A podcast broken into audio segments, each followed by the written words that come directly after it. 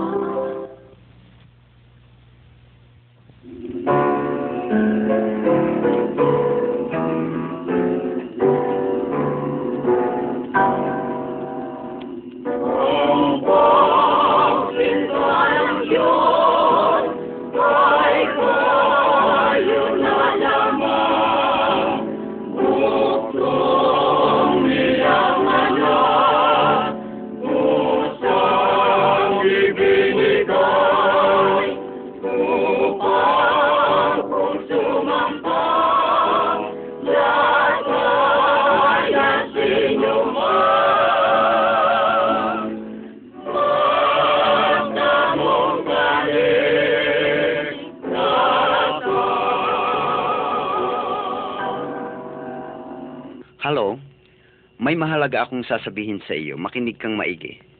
Mayroong isang Diyos, isang Diyos na buhay. Nalalaman niya ang lahat na tungkol sa iyo. Nakikita niya ang lahat mong ginagawa, naririnig niya ang lahat mong sinasabi. Oo, alam niya ang lahat mong iniisip, mabuti at masama. Ang tunay na Diyos sa langit ay nakakakita sa lahat mong kasalanan pati na yaong nasa puso mo pa lamang. Hindi siya mapagtataguan o mapagkakailaan ni numan. Ang Diyos na ito ay napupuot sa kasalanan at hinihingi ng katarungan na parusahan yaong nagkakasala. Sinabi niya na ang ating mga kasalanan ang siyang magpipinid sa pinto ng langit upang tayo'y huwag makapasok doon. Ngunit, pakinggan mong maigi, patatawarin ng Diyos ang iyong mga kasalanan. Ang nangasabi mong hindi mabuti, ang kasama ang nagawa mo, at ang likom mong mga pag-iisip. Minamahal ka niya. Hindi niya nais na masarahan ang pinto ng langit laban sa iyo. Makinig ka. Si Yesu Kristo, ang anak ng Diyos, ay walang kasalanan, subalit nagbata para sa iyo dahilan sa minamahal ka niya. Ang kaniyang dugo ay dumanak dahilan sa iyong mga pagkakasala. Ngayon, kung lalapit ka sa kanya at aanyayahan mo siyang matira sa iyong puso, yaon nga ang kanyang gagawin. Ipatatawad nga niya ang lahat mong mga kasalanan. Tutulungan kaniyang gumawa ng mabuti. Lilinisin kaniya mula sa iyong mga karumihan. Lalagyan kaniya ng katuwaan sa iyong puso. Bubuksan niya ang pinto ng langit at pagka ikaw ay namatay, pupunta ka sa langit at ikaw ay mabubuhay sa walang hanggang tuwa at ligaya. Ang pagsinta ng Diyos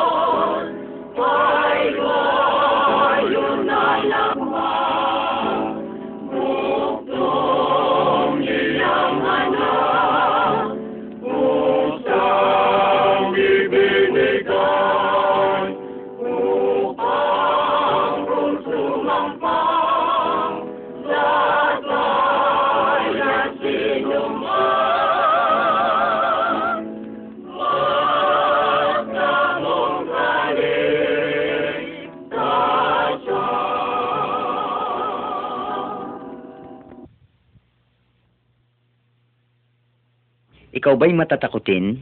Natatakot ka bang mamatay? Natatakot ka ba kung ang gabi madilim? Nangangamba ka ba sa maaaring mangyari bukas?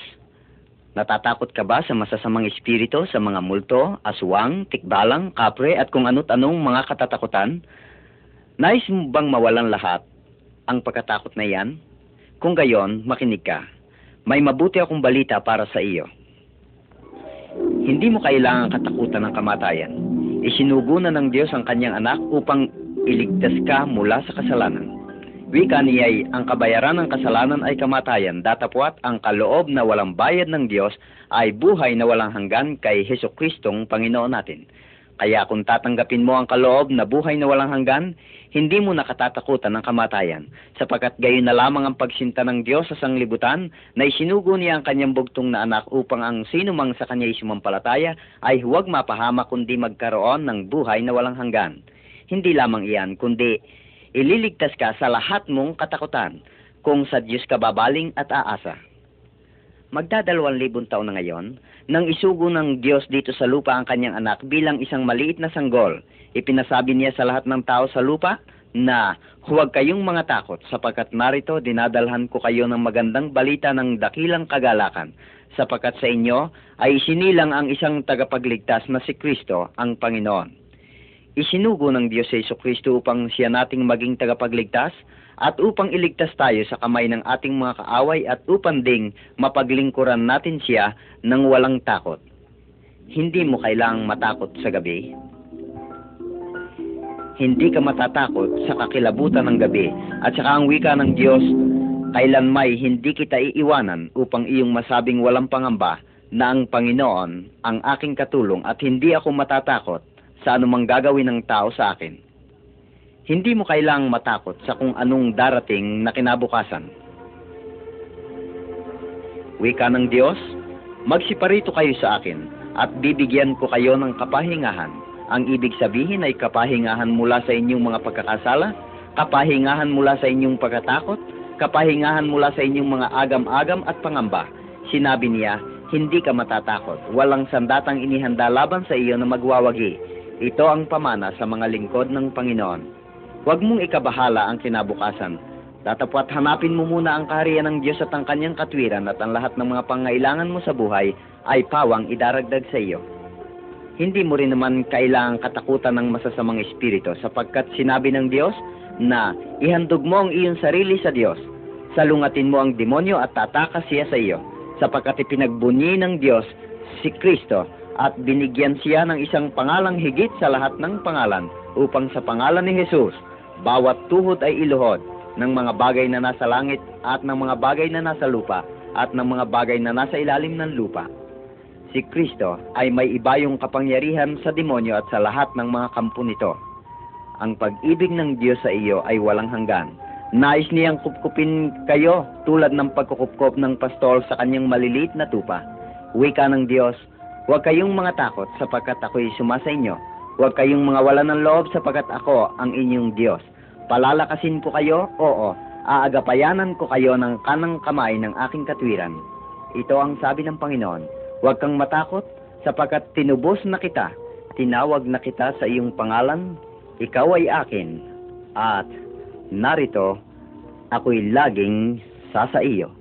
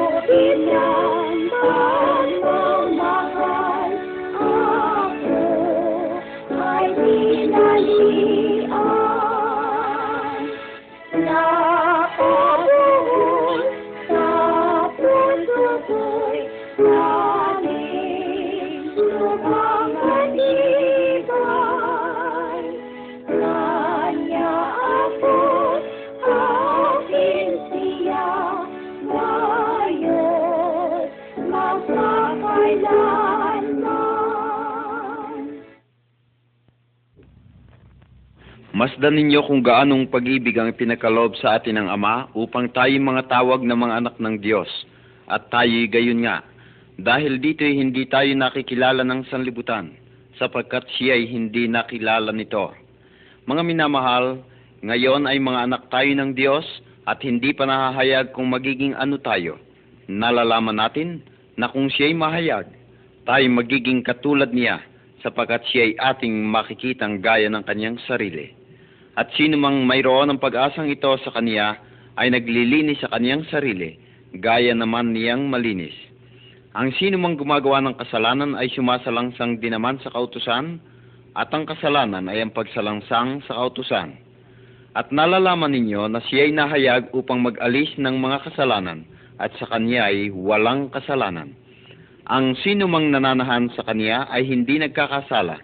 Sino mang nagkakasala ay hindi nakakita sa kanya, ni hindi man nakakilala sa kanya.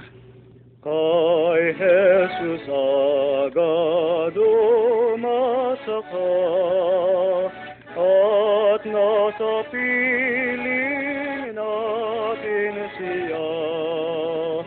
Sa iyo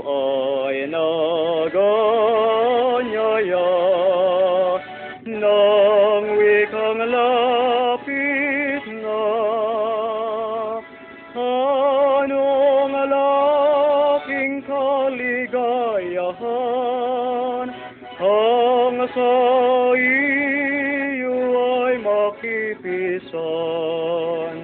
Jesus kung kasama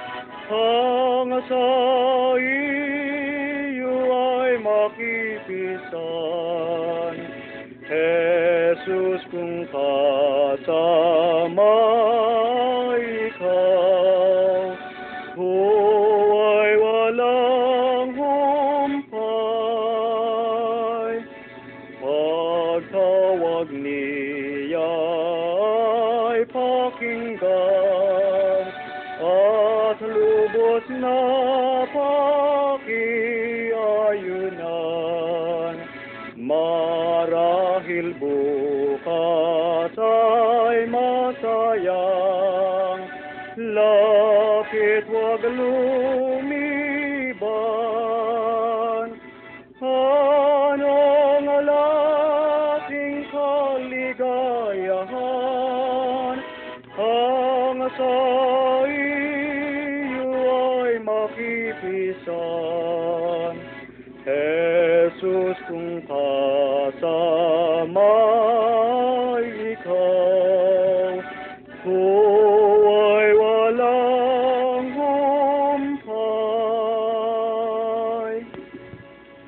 Si Jesus lamang ang makapagliligtas sa iyo mula sa iyong mga kasalanan. Lumapit ka sa Kanya, huwag kang magpaliban. Malaon ang may sakit si Maria at siya ay pahinana ng pahina. Ang nanay niya ay matiyagang nag-aalaga sa kanya sa paghahangad na siya ay gumaling. Tuwing umaga na itatanong ng ina, Mahal ko, kumusta ang pakiramdam mo ngayon? Mabuti na ba? Sa umagang ito'y naisagot ni Maria, Hindi inay, ang pakiramdam ko'y tila malapit na akong mamatay. Huwag mo sabihin ganyan. Maria, anang inang lipos ng pag-asa. Oo nga inay, natiti akong mamamatay na ako at ako'y natatakot, wika ni Maria. Ang tingin ko'y napakadilim. Ngunit, nangumpisal ka lamang ng iyong mga kasalanan sa pari kagabi, binyagan ka naman at kinumpil, at saka ikaw naman ay isang mabait na bata, palasimba ka at paladasal. Oo nga inay, subalit nalalaman ko na ako'y hindi handang humarap sa kamatayan. Napag-usapan na namin to ng aking kuya noong araw. Hanggang ngayon na hindi pa namin matiyak kung tunay ngang ang mga kasalanan namin ay napatawad na kahit na kami nakasimba, nakapagdasal at nakapagpenitensya.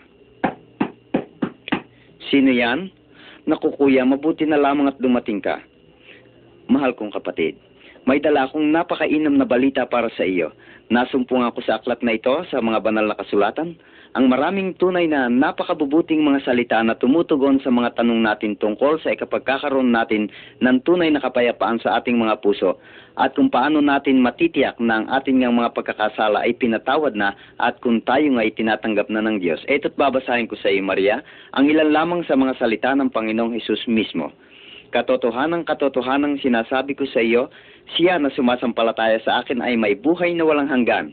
Minahal na kita ng isang pagmamahal na walang hanggan. At ito pa, ang sino mang lumalapit sa akin sa anumang paraan ay hindi ko itataboy. Naku kuya, sabi ni Maria, para mong inalis ang mga tinik sa aking mga hinihigaan. Oo nga maring, sa sandaling magtiwala ka kay Hesus Kristo, ikaw ay ligtas. Tinubos tayo ni Kristo sa sumpa ng kautusan na naging sumpa para sa atin. Siya lamang ang ating tagapamagitan. Ang ating matapat at mataas na saserdote. Lumapit tayo sa kanyang tuloy-tuloy sapagkat siya lamang ang makapagpapatawad sa ating mga kasalanan.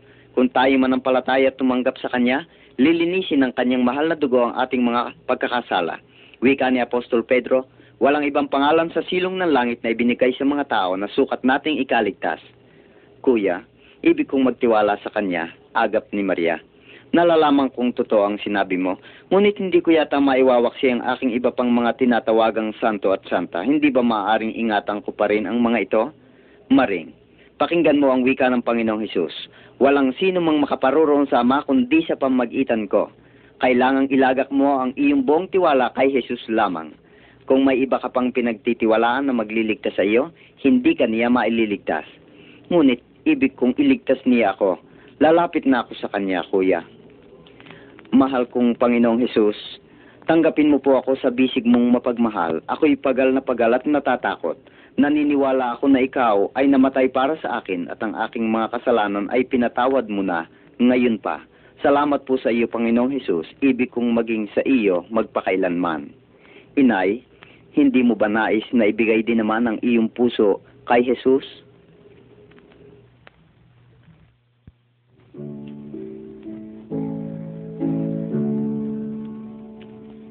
Sa may bulwagan ni Pilato, nakaharap yaong kordero. Biglang tanong ay dinggin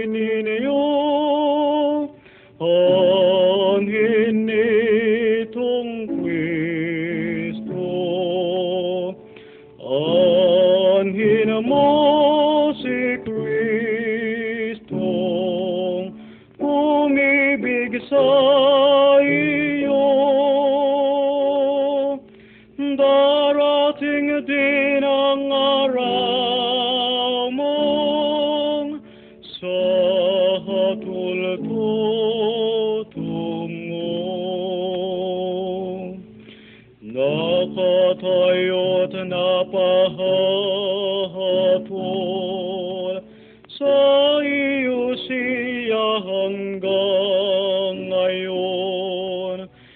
Tatanggapin mong Panginoon,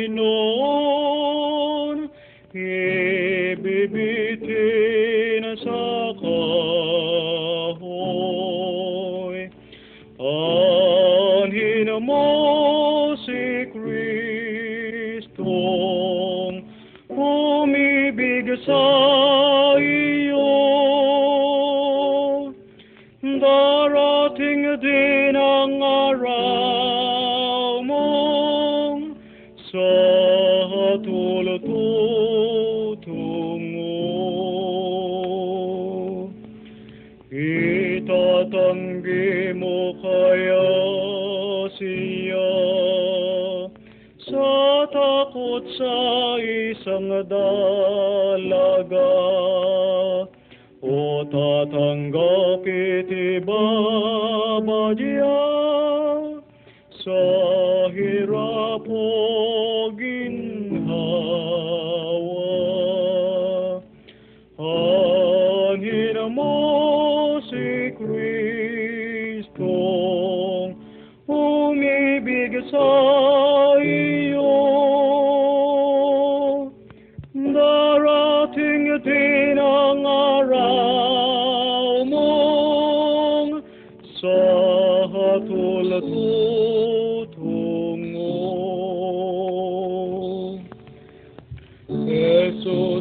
Jesus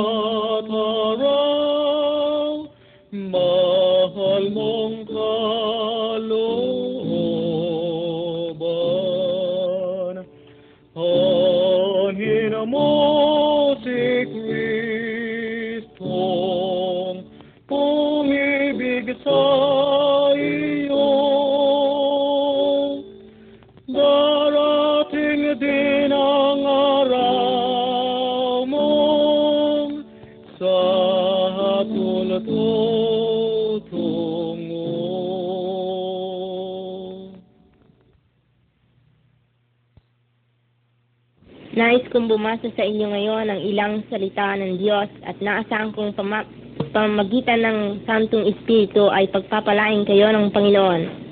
Nang magkagayo ay sinabi ni Jesus sa kaniyang mga alagad, Kung ang sino mang tao ay ibig sumunod sa akin ay tumanggi sa kaniyang sarili at pasalin ang kaniyang krus at sumunod sa akin. Sapagkat ang sino mang mag-ibig iligtas ang kaniyang buhay ay mawawala nito at ang sino mang mawala ng kaniyang buhay dahil sa akin ay makakasumpong niyaon. Sapagkat ano ang pakikinabangin ng tao kung makamtam niya ang buong sanglibutan at mawalan siya ng kaniyang buhay? O anong ibibigay ng tao na katumbas ng kaniyang buhay? Sapagkat ang anak ng Diyos ay pariritong nasa kalwalatian ng kaniyang ama na kasama ang kaniyang mga anghel at kung magkagayo ay bibigyan ng bawat tao ayon sa kaniyang mga gawa.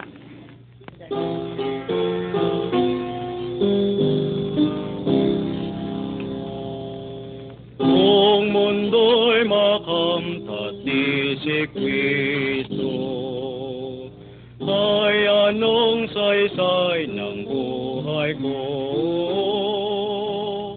Masisiyahan kayang duto ang puso ko sa mundong ito. Kung mundo'y makamtat di si Kristo, makikinabang kaya ko.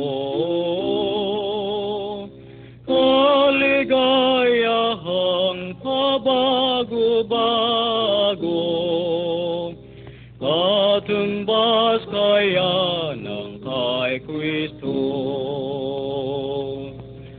Kung ako man ay maging mayaman matanyag sa sanglibutan, datapwa at walang kaligtasan, ay ano ang pangyayarihan? Kung mundo di si Kristo ang kamtan, ay ang panganganlungan? Pagdumag sa ang hirap sa buhay, sinong aking pagsasakdalan? O kainam ng maging kay Jesus, napapawi ang tanang lungkot, kasalanang gumagapos, sa habag niya'y nilalagot. Si Jesus lamang, tanging si Jesus, ang sa sugat ng puso'y gamot. Kahit yaman ng buong sinukog, hindi pa katumbas ni Jesus.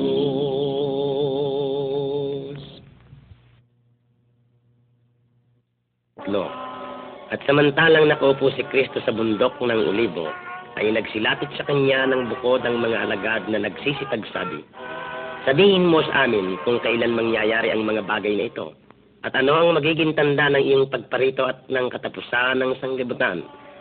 At sumagot si Jesus at sinabi sa kanila, Magag-ingat kayo na huwag kayong mailigaw ni numan, sapagkat marami ang magsisiparito sa aking pangalan na mga nagsasabi, Ako ang Kristo, at ililigaw ang marami. At mga karirinig kayo ng mga digmaan, mga alingaw-ngaw ng mga digmaan. Ingatan ninyo na huwag kayong magulumihanan, sapagkat kinakailangan iti mangyari dadapat hindi pa ang wakas.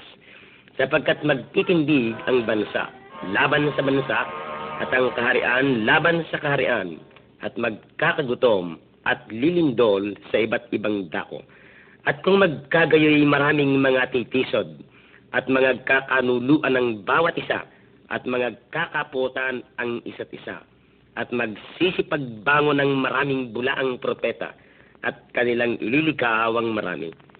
At dahil sa pagsagana ng katampalasanan, ang pag-ibig ng marami ay lalamig.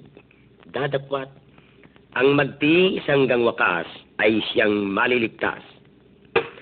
At ipangangaral ang ibanghelyong ito ng kaharian sa buong sanglibutan sa pagpapatotoo sa lahat ng mga bansa at kung magkagayoy darating ang wakas. Sapagkat kung magkagayoy magkakaroon ng malaking kapighatian, nang gayoy hindi pa nangyayari buhat pa sa simula ng sanglibutan hanggang ngayon at hindi na mangyayari kailanman.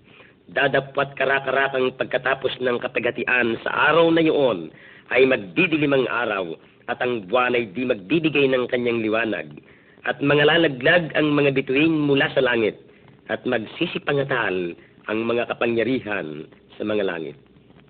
At kung magkagayoy, lilitaw ang tanda ng anak ng tao sa langit. At kung magkagayoy, magsisitangis ang lahat ng mga angkan sa lupa. At mga kikita nila ang anak ng tao na napariritong sumasaalapaap ng langit na may kapangyarihan ng dakilang kalwalhatian. Sapagkat gaya ng kidlat na kumikidlat sa silanganan at nakikita hanggang sa kanluran, gayon din naman ang pagparito ng anak ng tao.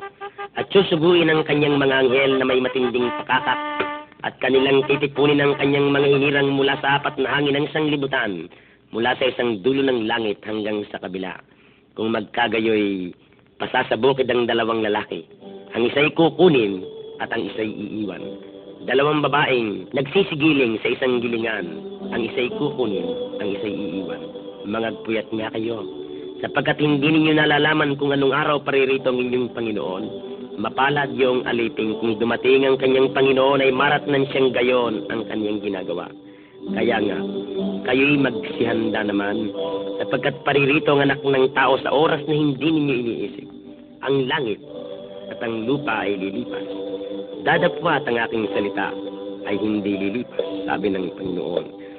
Dadapwat ipinagtatagubilin ng Diyos ang kanyang pag-ibig sa atin, na nang tayo'y mga makasalanan, si Kristo'y namatay dahil sa atin.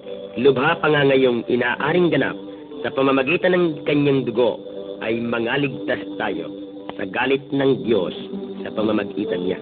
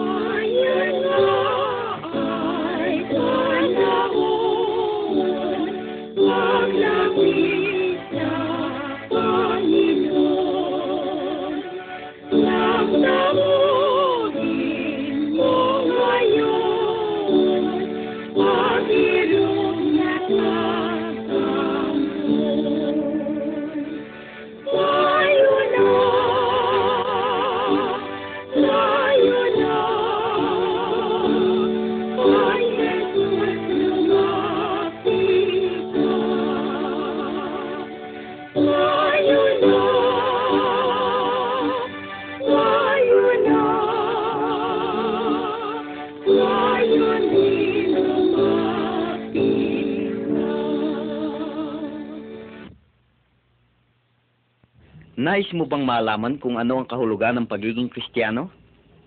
Ang buhay ay katulad ng isang malapad na daang punong-puno ng mga tao. Bawat tao ay may mabigat na pasaning kasalanan. Ang lahat ay nangagkasala nga. Sa iba't ibang pagkakataon, sa ibabaw ng kaingay at kaguluhan sa mga tabing daan, may himig na naririnig. Isang tinig ang tumatawag. Magsiparito kayong lahat na nangabibigatan at bibigyan ko kayo ng kapahingahan. May mga taong patuloy sa kanilang paglalakad na hindi alumana ang tawag na iyon. Wala kayang nakakarinig? Magsilabas kayo mula sa kanila at magsihiwalay kayo at huwag kayong magsihipo ng mga bagay na marurumi at kayo'y tatanggapin ko at ako'y magiging inyong ama at kayo'y magiging aking mga anak.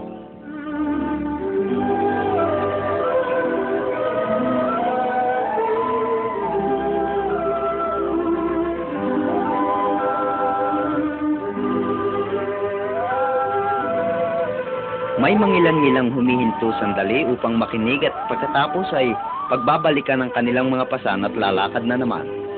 Sa wakas, ay may isa sa karamihan na nakarinig ng tinig at lilingon upang makinig. Saglit siyang nag-aatubili, pagkatapos iiwanan niyang magulong daan at hahakbang na patungo sa makipot na landas at magpapasimulang lumakad na kusa at pasalungat sa dating landas. Siya ay tinutokso at kinukutya ng mga tao sa malapad na daan.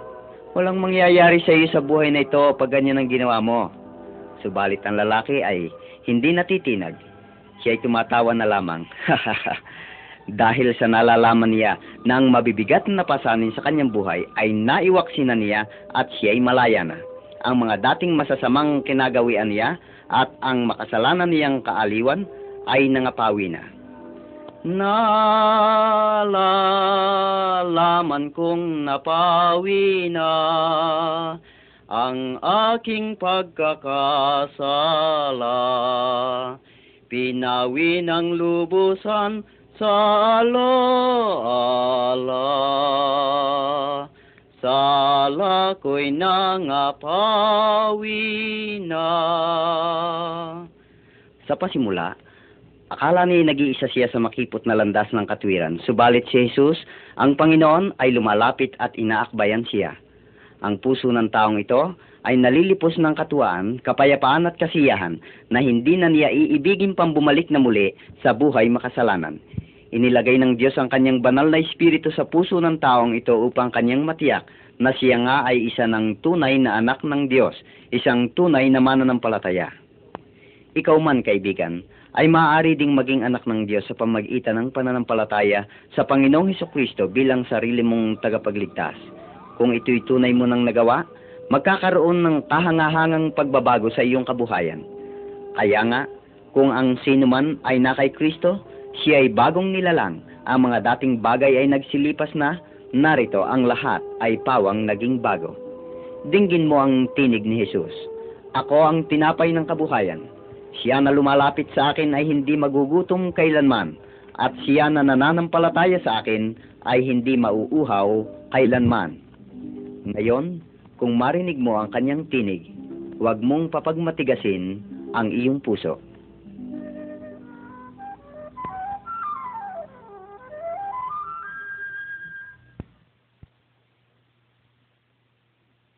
Ako ay mabubuhay sa kanya na namatay dahil sa akin.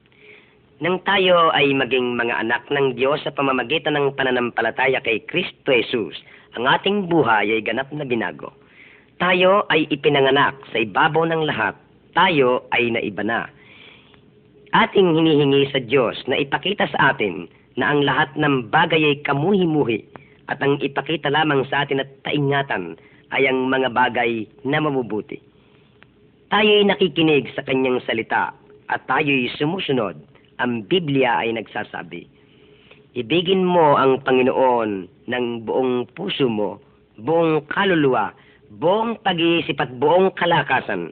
Ang banal na aklat ay nagsasabing, ibigin natin ang ating kapwa gaya ng pag-ibig natin sa ating sarili. Ang pinakamabuting paraan upang maipakita natin ang pag-ibig natin sa Diyos at sa iba ay sabihin natin ang di nagtatapos na pag-ibig ng ating amang nasa langit at ipaliwanag natin sa kanila na ang ating kasalanan ay nilinis lamang sa pamamagitan ng dugo na si Yesu Kristo at tayo'y nangaligtas. Kung tayo'y maniniwala kay Kristo sa banal na Espiritu Santo ng Diyos, ay maniwala kayo at umasa kayo na Espiritu ng Panginoon ay ilalagak sa ating mga puso't buhay upang tayo'y bigyan ng kalakasan at ng mabuting kabuhayan. Siya ay ating magiging ilaw sa loob ng ating katawan ay magliliwanag siya upang makita ng iba ang kalwalatian ng Diyos. Ako'y naglalakad isang araw, may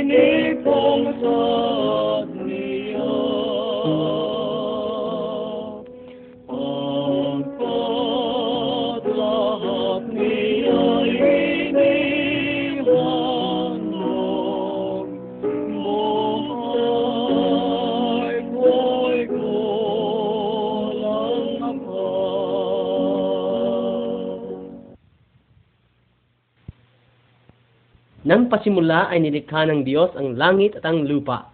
Bago nilikha ng Diyos ito ay walang anuman liban sa Diyos Ama, Diyos Anak, at Diyos Espiritu Santo. Ang tatlong ito ay iisa. Sunod na nilikha ng Diyos ay ang araw, buwan, at mga bituin. Pagkatapos ay ang tiyong lupa at ang dagat na alat. Nang ito ay matapos ay ginawa niya ang mga hayop, ibon, maliliit, at malalaking isda. Punong at ang lahat ng gumagalaw sa ibabaw ng lupa at nilikha ng Diyos ang tao ayon sa kanyang wangis, na pinanganlang Adam. Lumikha rin siya ng babae para sa lalaki, pinanganlang Eva.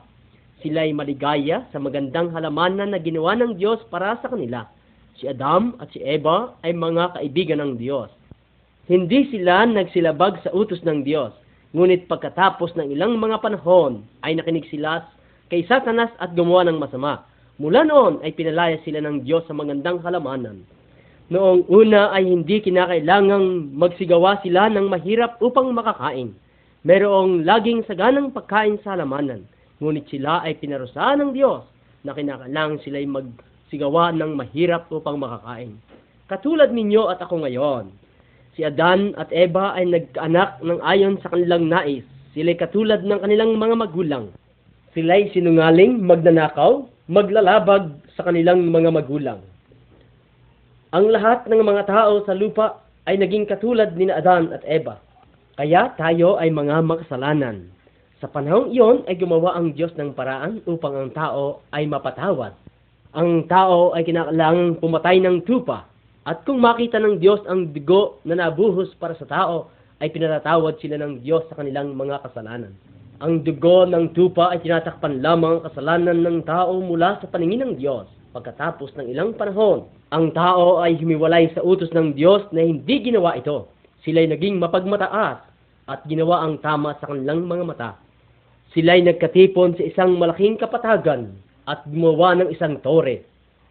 Mula sa una ay inyutos ng Diyos na ang tao ay dapat kalata ng buong lupa. Ang tao ay nais na sila'y maging Diyos na rin. Mayroon silang isang salita na lalaman ng Diyos ang kanilang ginagawa. Pinalitan ng Diyos ang kanilang wika at pinarami at sila'y pinangalat sa buong lupa. Kaya nga tayo ay marami at iba't iba ang wika ngayon. Pagkat ang tao ay makasalanan, siya ay tumalikod sa Diyos, siya ay banal. Kaya ibinigay ng Diyos ang utos upang tulungan ang tao na maalaman ng mabuti at masama para sa Kanya. Ito ang utos ng Diyos. Ako ang iisang tunay na Diyos. Huwag kang sasamba sa anuman sa langit, sa lupa, o sa dagat man. Huwag mong sasambitin ang pangalan ng Diyos sa masamang paraan.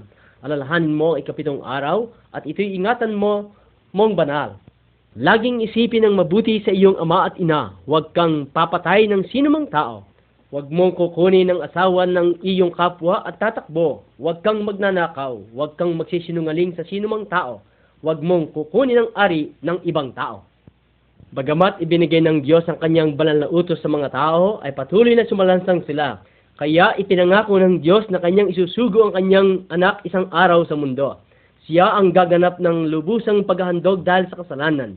Ang mga paghahandog ng tupa at baka ay matatapos kung maihandog na ni Jesus ang kanyang sarili para sa kasalanan. Ang mga propeta ng Diyos daang taon bago pa dumating si Jesus ay himulan na na ipanganganak si Jesus ng isang berhin. Lahat ng mga sinabi ng propeta ng Diyos na nasa aklat ng Diyos ay tunay at na nangyari. At pagkatapos ng maraming daang taon, si Jesus ay pinanganak ng isang birhin, nagngangalang Maria.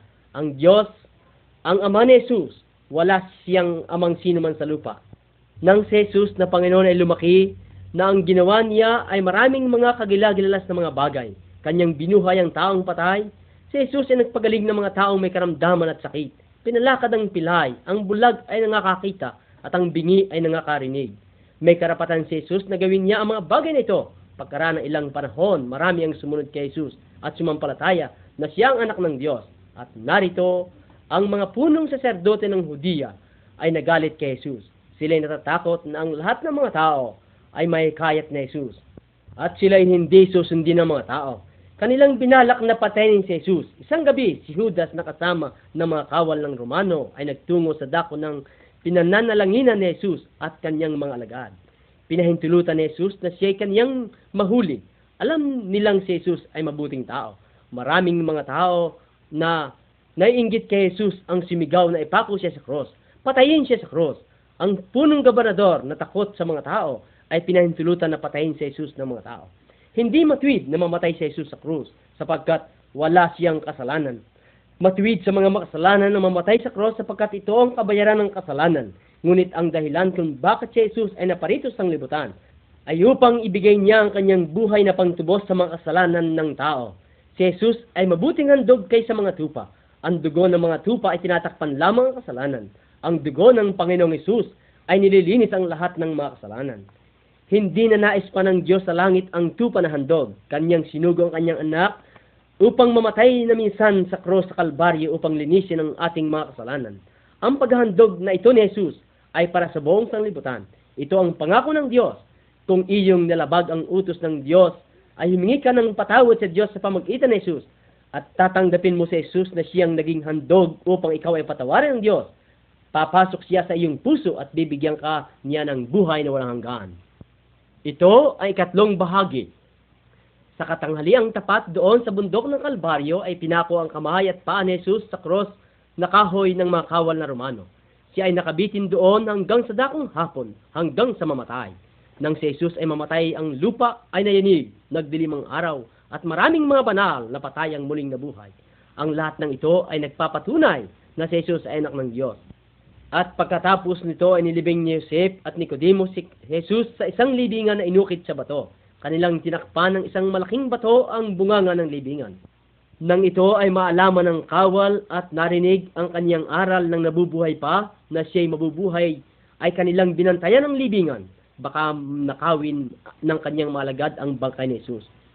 Umagang umaga ng unang araw ng sanlinggo, dalawang babae na dumating sa libingan ng dati sumusunod kay Jesus. Nakita nilang nabuksan ang batong malaki na nakatakip sa libingan. Ang anghel ng Diyos ay nagsabi sa kanila, Hinahanap ninyo si Jesus? Siya'y wala rito, siya'y nabuhay. Pagkatapos ay nakita siya ng kanyang mga alagad, nakipag-usap sa kanila at kumain na kasalo niya. Nalaman nila na ito ang tunay na anak ng Diyos. Ngunit si Tomas, isa sa mga alagad niya, ay hindi nakakita kay Jesus na tulad ng iba. Kaya sinabi ni Tomas, hindi ako sasampalataya hanggang hindi ko nahihipo siya. Nang magkagayon ay napakitang muli si Jesus sa mga alagad na kasama si Tomas. Pinahipo niya ang kanyang mga sugat kay Tomas. At sinabi ni Tomas kay Jesus, Panginoon ko at Diyos ko. Sinagot naman siya ni Jesus, Tomas, sapagkat ikaw ay sumampalataya na ako'y iyong nakita. Mapapalad yaong hindi nangakakita at gayon may nagsisampalataya. Bago umakyat si Jesus sa langit, kanyang sinabi, Aking susuguin sa inyo ang banal na Espiritu Santo.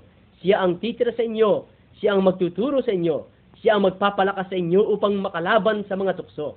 Kanya ring sinabi, Humayo kayo at sabihin sa lahat ng mga tao ang mabuting balita ng Diyos. Ang mga tao na magsisisi ng kanilang mga kasalanan at magtitiwala kay Jesus ay patatawarin ng kaniyang mga kasalanan at ililigtas sila ng Diyos sa galit na darating. Kung magtitiwala kay Jesus bilang sariling tagapagligtas ay sinasabi ng salita ng Diyos ay kinakalang ikaw ay mabautismuhan. Si Jesus ay apat na pung araw sa lupa ng mabuhay na muli bago siya umakyat sa langit. At siya ay nagpunta sa bundok ng olibo na kasamang malagad. At ito ang mga huling salita ni Jesus. Humayon kayo sa buong sanlibutan at ipangaral ang mabuting balita sa lahat ng kinapaan. At si Jesus ay umakyat sa langit na kanilang tinitingnan. Ang dalawang anghel na sumaksi rin ay sinabi sa mga alagad, si Jesus na inyong nakitang umakyat ay sa gayong ding paraan ay muling babalik dito sa lupa. Sampung araw matapos umakyat si Jesus sa langit, ang mga alagad ni Jesus ay nagkakatipon sa isang silid. Karakarakay nakarinig sila ng parang ugong na malakas na hangin sa loob ng silid na kanilang pinagkakatipunan. Ang pangako ni Jesus na Espiritu Santo ay dumating na. Isinugo ni Jesus ang Espiritu Santo upang siya ang pumalit sa kanya. Alam ni Jesus na ang mga tao ay hindi magiging tapat sa Diyos kung hindi tumatahan sa kanilang Espiritu Santo. Ang Espiritu Santo ay tatahan sa puso ng sino mang tumatanggap kay Jesus sa pamagitan ng pananampalataya. Ang Espiritu Santo ay nagtuturo sa atin ng katotohanan ng Diyos. Siya ang nagbibigay ng kapangyarihan upang sumunod sa mga utos ng Diyos at sumalangsang kay Satanas. Siya rin ang nagbibigay sa mga Kristiyano ng pagnanais na sabihin sa iba ang tungkol kay Jesus. Halimbawa, inyong narinig ngayon ang ripopuno na nais ninyong maging Kristiyano. Sinasabi ng salita ng Diyos na ikaw ay maliligtas o magkakamit ng buhay na walang hanggan sa pamagitan ng pananampalataya kay Jesus na siyang namatay sa cross sa Kalbaryo dahil sa iyong mga kasalanan. Walang ibang paraan ng kaligtasan. Ang mabuting pamumuhay, pagiging relihiyoso, pagtupad ng linggo o sabado, pagkain o hindi ng baboy ay hindi pinapagiging kristyano ng isang tao. Kaya nakailangang sabihin mo sa Diyos o magsisi ka na ikaw ay makasalanan Talikdan ang iyong mga kasalanan at tanggapin si Jesus na sariling tagapagligtas. Magtiwala ka lamang sa Kanya at patatawarin ka ng iyong mga kasalanan. Kung tapat at tunay ang taong iyon, si Jesus ay gagawin siyang anak ng Diyos. Ang Espiritu Santo ay tatan sa kanyang puso. Siya ay ipinanak na muli at iyon ang paraan ng pagiging Kristiyano. Sinasabi rin ng salita ng Diyos na isang araw ay muling babalik si Jesus sa lupa. Kinakailangang maghanda ka para sa Kanya kung siya ay dumating na sa lupa, ay magtatayo siya ng malaking hukuman. At ang mga tao na hindi tinanggap si Jesus na sariling tagapagligtas ay parurusahan. Sila ay dadalhin ng sadako ng apoy na walang hanggan. Si Jesus ang nagbata dahil sa ating mga kasalanan. Ngunit ang isang tao na ayaw tanggapin si Jesus, ang tao mismong yon ang magbabata para sa kanyang sariling mga kasalanan.